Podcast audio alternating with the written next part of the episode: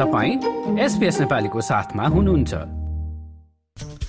र श्रोतामी नेपालमा चरा गणना कार्यक्रम शुरू भएको छ। उक्त कार्य देशभर रहेका चराविज्ञ र संरक्षण कर्मीहरूको पहलमा हुन लागेको हो। वर्षेनी चराको संख्या घट्दै गएको र तिनको संरक्षणको आवश्यकता देखिएकाले वृहत रूपमा चरा गणना गर्न लागि संरक्षणविदहरूले बताएका छन्। देशभरका पन्ध्र जिल्लामा करिब तीन साता चराहरू गणना अभियान चल्नेछ। चरा चरा गणना गणना अभियान र नेपालमा चराहरूको अवस्थाको बारेमा हाम्रो हाम्रा नेपाल संवाददाता प्रतीक्षा दुलालले संरक्षणविद हेम सागर बरालसँग गरेको कुराकानी अबको कार्यक्रमको प्रस्तुतिमा। यो चरा गणना गर्ने भनिएको छ होइन? नेपालको कुन कुन ठाउँमा हुँदैछ यो? यो चाहिँ अहिले गरिरहेको चरा गणना चाहिँ जलपन्छी को लागि गरिने गणना हो। र यसमा चाहिँ हामीले नेपालको पन्ध्र सोह्रवटा जिल्लाहरूमा रहेका तालतलैयाहरू र नदी र अरू सिमसारहरूमा चाहिँ अहिले गणना भइरहेको छ। अब यी पन्ध्र जिल्लामा भनौँ न तराईका धेरै क्षेत्रहरू पर्छन् किनभने तराईमा रहेका सिमसारहरू चाहिँ चराका लागि बढी महत्त्वपूर्ण छन् जलपन्छीका लागि बढी महत्त्वपूर्ण छन्। र अब तराईबाट माथि पहाडतिर आउँदाखेरि चाहिँ पोखरा र काठमाडौँ उपत्यका दुइटामा पनि हामी गर्छौँ। भनेपछि यो चरा गणना गरिएको चाहिँ यो सिमसार क्षेत्रमा बस्ने चराहरूको मात्रै हो कि हजुरको कुरा सुन्दा चाहिँ त्यस्तो सुन्यो?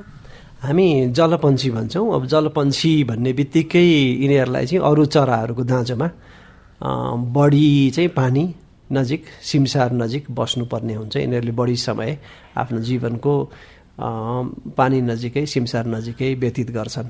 र यसले चाहिँ हामीले खास गणना गर्ने भनेको चाहिँ जलपन्छी गणना हो मुख्य रूपमा। तर यो गणना गर्दाखेरि अरू पन्छीहरू पनि केही हामीले भेट्छौँ तिनीहरूको पनि अभिलेख राख्छौँ। अब यो जलपन्छी भनेर चाहिँ कुन कुन चराहरू पर्छन्? अब जलपन्छी भनेर यसरी भनिरहँदाखेरि हाम्रो नेपालमा पाउने जस्तो हाँस बन्ने हाँसहरू हाँसका प्रजातिहरू होइन जुन लगभग तिस चालिस प्रजातिका छन् तिनीहरू परे। त्यस्तै अब सुडसुडियाका प्रजातिहरू भन्छौँ जुन चाहिँ अलि लामा खुट्टा भएका अनि सिमसिमे धिपधिपे जमिन अनि सिम अलिकति कम पानी भएको ठाउँमा चाहिँ यिनीहरूले चर्ने गर्छन्।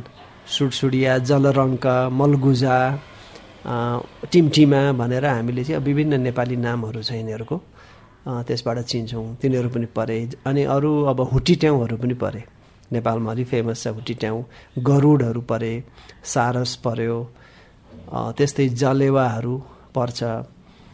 यसमा यही रीतले भनौँ न यो थुप्रै गङ्गा चिल अनि फ्यालफ्याले भन्ने चराहरू गौ पानी गौँथलीहरू पर्छन् यसमा। गणना चाहिँ किन गर्न लागि चराहरूको? यसको कारण चाहिँ? यो गणना चाहिँ हामीले मुख्य रूपमा त्यो ठाउँ त्यो सिमसार जुन ठाउँमा चाहिँ चराहरू बस्छन् त्यो सिमसारको अवस्था कस्तो छ? कुन हैसियतमा छ? बिग्रदो छ अथवा सुध्रिँदो छ अथवा मेन्टेन गरेर बसेको छ? त्यस्तै त्यहाँ रहेका चराहरूको पनि प्रजाति के के छन्? प्रजाति र ती प्रजातिको सङ्ख्याको साथसाथै टोटल पपुलेसन चाहिँ कस्तो छ त भनेर हामीले गणना गर्छौँ। यो गर्न अब यो गणना गर्छौँ। यो गणनाले चाहिँ अन्तत गोत्वा के हुन्छ भने हाम्रा सिमसारहरूको स्थिति बिग्रदै छ भने चरा घट्दै जाने भए त्यो खालको चाहिँ इन्डिकेसन गर्छ। र वास्तवमा चरा चाहिँ सिमसारको स्वास्थ्यको एउटा सूचक प्रजाति पनि हो। त्यो हिसाबले पनि हामी सिमसारको स्वास्थ्य कस्तो छ त भनेर हेर्नको लागि चराको गणना गर्छौँ। अब गणना चाहिँ कसरी गरिन्छ? के विधि छ? कस कति सजिलो गाह्रो? कस्तो हुन्छ गर्न?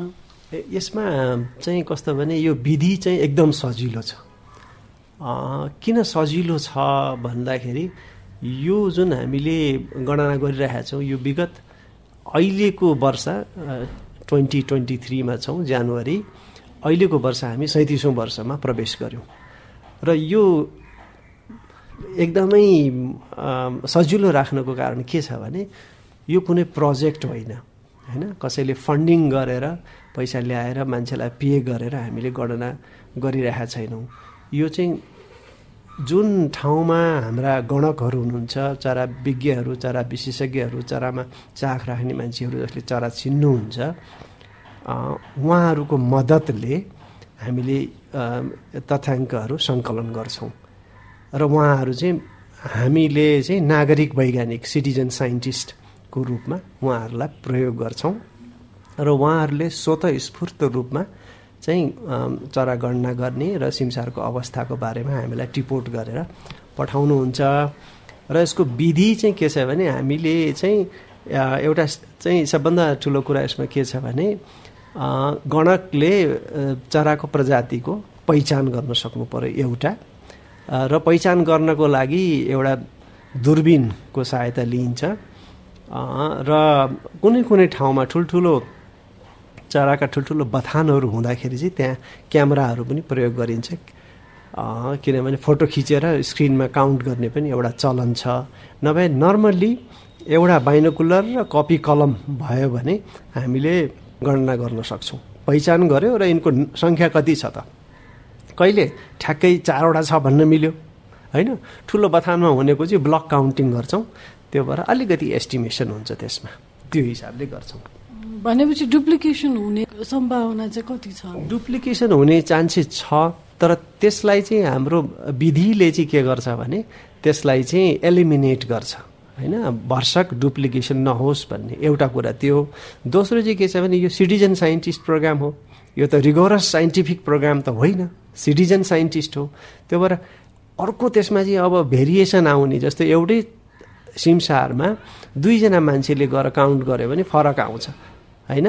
त्यो भएर हामीले के गर्छौँ भने अहिलेसम्म त्यही गणकलाई त्यही ठाउँमा पठाउँछौँ। सो द्याट उहाँले नै गर्नुभएको छ लास्ट इयरको काउन्ट अथवा इयर बिफोरको काउन्ट भने अहिले पनि उहाँले गर्नुहुन्छ। त्यो भएर उहाँकै काउन्टसँग चाहिँ कम्पेयर गर्न सजिलो हुन्छ नि त।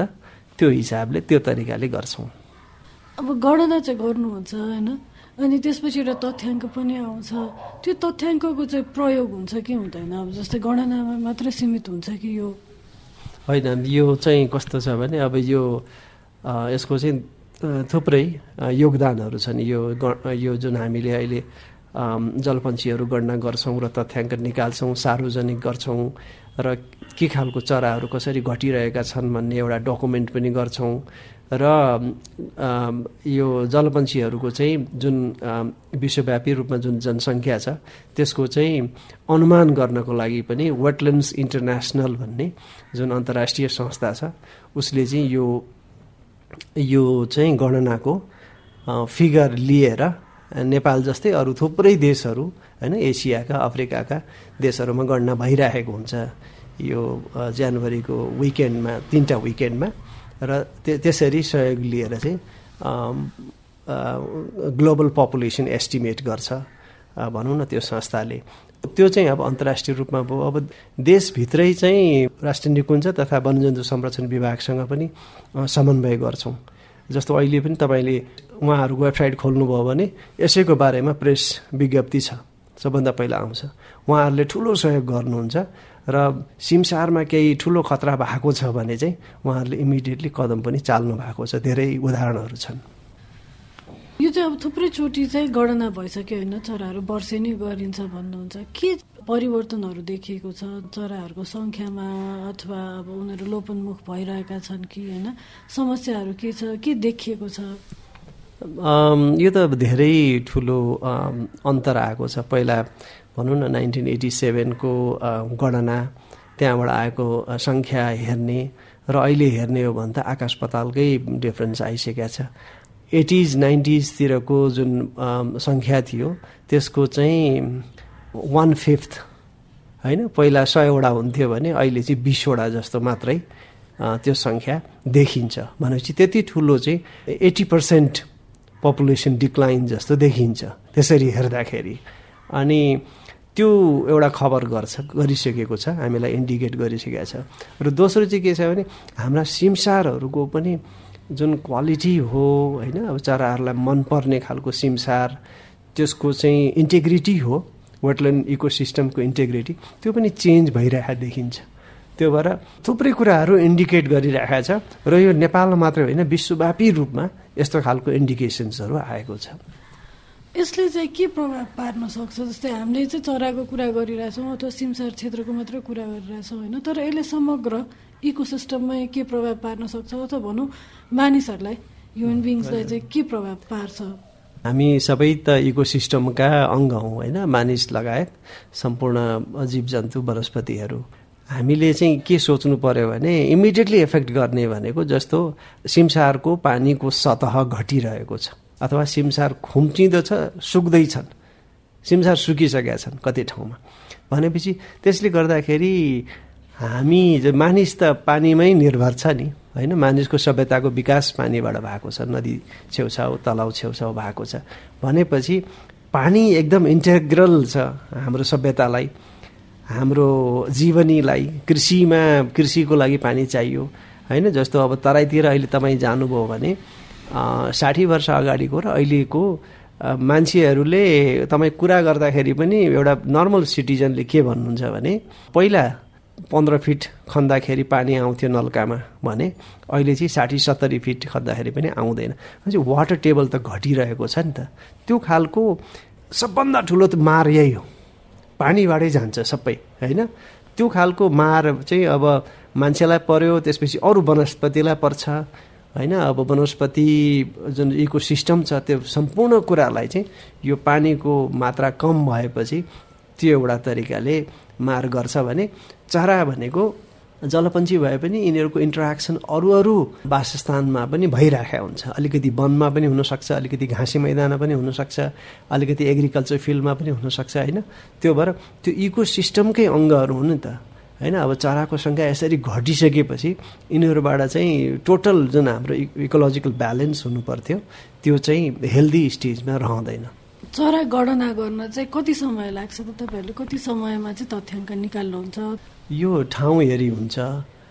अब ठुलो भनौँ न अलि ठुला सिमसारहरू छन् ठुलो क्षेत्रमा फैलिएका सिमसारहरू छन् भने अलि बढी समय लाग्छ भनौँ मैले उदाहरणको लागि कोशी नदीलाई हामी कभर गर्न लगभग तिन दिन लाग्छ होइन?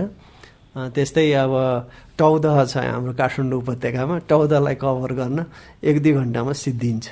त्यो चाहिँ अब त्यो सिमसारको क्षेत्रफल र फैलावट कस्तो छ त्यो हिसाबले हामी गर्छौँ। हामीले हेर्दाखेरि चाहिँ यसरी लोपन्मुख हुँदै गएका चराहरू चाहिँ कुन कुन हुन्? अब यसमा एउटा अर्को हामीले के सम्झाउनु पर्यो भने जलपन्छी भन्नाले नेपालका शरीरको साइज हेऱ्यो भने चाहिँ सबभन्दा ठुल्ठुला चराहरू पनि पर्छन्। नेपालमा पाउने चराहरूमध्ये होइन आठ सय एकानब्बे बयानब्बे प्रजातिका चराहरू नेपालमा छन्। ती भित्र सबभन्दा ठुला चराहरू कहाँ छन् भनेर हेर्दै जाँदाखेरि जलपन्छीहरू देखिन्छन्। हाँसका राजहाँसका प्रजातिहरू गरुडका प्रजातिहरू सारसका प्रजातिहरू चाहिँ सबभन्दा अग्लो सारस त विश्वकै उड्ने पन्छी मध्येको सबभन्दा अग्लो हो होइन? यस्ता ठुल्ठुला चराहरू चाहिँ अझ बढी सङ्कटमा परेको देखिन्छ एउटा चाहिँ। दोस्रो चाहिँ के छ भने जलपन्छीकै हिसाबले हेर्दाखेरि हाम्रा केही जलपन्छीहरू जसले माछा खाएर निर्भर रहन्थे तिनीहरूको पनि ठुलो सङ्ख्यामा ठुलो गिरावट आएको छ। होइन फ्याल फ्याले भन्ने प्रजाति छ जुन चाहिँ दुईवटा प्रजातिहरू तराईमा रैथाने र बच्चा कोरल्ने प्रजातिहरू हुन्। त्यो प्रजाति हेर्नको लागि कोसीको नदी बाहेक अरू ठाउँबाट लोप भइसक्यो जस्तो कर्णालीबाट लोप भइसक्यो महाकालीबाट लोप भइसक्यो। त्यस्तो स्थिति छ नारायणीबाट लोप भइसक्यो। त्यो भएर त्यो भित्र जलपन्छीमा पनि पन्छी विशेषले चाहिँ अलि बढी तडपिरहेको देखिन्छ अलि बढी सङ्कटमा भएको देखिन्छ। ठुला साइजको र आफ्नो चाहिँ खाना चाहिँ स्पेसलिस्ट बर्ड भनौँ न खाना एउटै खालको खाना खाएर निर्भर रहने जस्तो माछा बाहेक उनीहरूले केही खाँदैन। त्यस्तो छ भने उनीहरूलाई ठुलो सङ्कटमा परेको देखिन्छ। यसको कारण चाहिँ के हो? अब ठुला चराहरू सङ्कटमा पर्नु यिनीहरू अब सबैको नोटिसमा आउँछन्। होइन? नोटिसमा आएपछि अब मान्छेहरू अलिक क्युरियसै हुन्छन् होइन? धेरै जसो हेर्दाखेरि अब केही हन्टिङहरू पनि छ डिस्टर्बेन्स पनि छ त्यसले पनि ठुला चराहरूको चाहिँ विनाश हुँदैछ वासस्थानमा पनि कमी आइरहेको छ। जस्तो तराईको वासस्थान पहिला खेतबारीमा धान फल्थ्यो अहिले बिल्डिङ फल्छ होइन? घर फल्छन् होइन? त्यस्तो छ। उनीहरूलाई बस्ने ठाउँ पनि कमी भइरहेको छ। भने जुन अब मैले अघि साना चराको कुरा गरेँ अलि माछा खाने चराको कुरा गर्दाखेरि चाहिँ हाम्रो सिमसारहरूमा चाहिँ अलि बढी दोहन अत्याधिक दोहन भएको छ। जस्तो माछै मार्ने भए पनि माछा चाहिँ सानोभन्दा सानो माछा पनि मारिदिने। त्यो मेस साइज भन्छौँ नि हामी जालीको चाहिँ सानो सानो एकदमै के भुरा बच्चाहरू पनि मारिदिने। यी भुराहरू त पछि ठुला हुन्छ त्यसपछि खाउँला भनेर छोड्ने खालको एउटा हाम्रो त्यो छैन होइन? अर्को कुरा अब माछा मार्दाखेरि हामीले सुन्छौँ बम पड्काएर मारिदिने करेन्ट लगाएर मारिदिने पोइजनै हालेर मार्ने जुन चाहिँ आफैलाई पोइजन हुन्छ भोलि त्यस्तो माछा पनि खाने चलन छ नि त। त्यो भएर अत्याधिक दोहन छ सिमसारको सिमसार चाहिँ चपेटामा परेको छ। त्यो हिसाबले गर्दाखेरि त्यहाँ रहने चराहरू पनि सङ्कटमा परेका छन्। चराको विविधताको कुरा गर्दाखेरि चाहिँ नेपाल विश्वमै अथवा भनौँ दक्षिण एसियामा कुन ठाउँमा पर्छ? दक्षिण एसियाको कुरा गर्दाखेरि त सबभन्दा भनौँ न देशको क्षेत्रफलको हिसाबले हेर्दाखेरि निकै ठुलो विविधता छ यहाँ। एकचोटि त भने आठ सय एकानब्बे बयानब्बे प्रजाति हामीले यहाँ पाइसकेका छौँ। छिमेकी मुलुक भारतमा लगभग पन्ध्र सयको हाराहारीमा छ। तर अब भारत त हामीभन्दा बिस गुणा त ठुलो छ होइन? त्यो हिसाबले हेर्दाखेरि चाहिँ हामी विशेष स्थानमै छौँ र संरक्षणको उसमा पनि राम्रै स्थानमा छौँ। जस्तो अब विशेष स्थानमा चाहिँ के हुन्छ भने नेपालमा मात्रै पाइने चरा के छ भने एउटा काँडे भ्याकुर त छ नि त होइन? अब इन्डिया ठुलो छ इन्डियामा चाहिँ टापुहरू पनि छन्। त्यसले गर्दाखेरि त्यहाँ इन्डेमिजम बढी हुन्छ। त्यहाँ मात्रै पाउने चरा अलिक बढी छन्। त्यस्तै श्रीलङ्का एउटा टापु हो। त्यहाँ मात्रै पाउने चरा छ त्यहाँ। तर अब तपाईँ पाकिस्तानमा जानुभयो भने पाकिस्तानमा मात्रै पाउने चरा के छ त भन्दाखेरि छैन। भुटानमा मात्रै पाउने चरा के छ त भन्दाखेरि छैन। नेपालको चाहिँ एउटा विशिष्ट स्थान छ। र अर्को कुरा के छ भने नेपालमा मान्छेले आएर यी आठ सय एकानब्बे बयानब्बे चराहरू प्रजातिहरू चाहिँ हेर्न खोजेमा अलि बढी सजिलो छ अरू देशमा भन्दा। होइन? भारतमा भन्दा पाकिस्तानमा भन्दा यता भुटानमा भन्दा अलिक बढी सजिलो छ। हाम्रो रोडको एक्सेस पनि राम्रो छ। र संरक्षित क्षेत्रहरू पनि राम्रैसँग संरक्षण भइरहेका छन्। त्यो हिसाबले नेपालको स्थान विशिष्ट स्थान छ भनौँ न यसमा। यो जस्तै अन्य प्रस्तुति सुन्न चाहनुहुन्छ? एप्पल पोडकास्ट गुगल पोडकास्ट स्पोटिफाईमा हामीलाई खोज्नुहोस् वा तपाईँले पोडकास्ट सुन्ने अन्य सेवामा।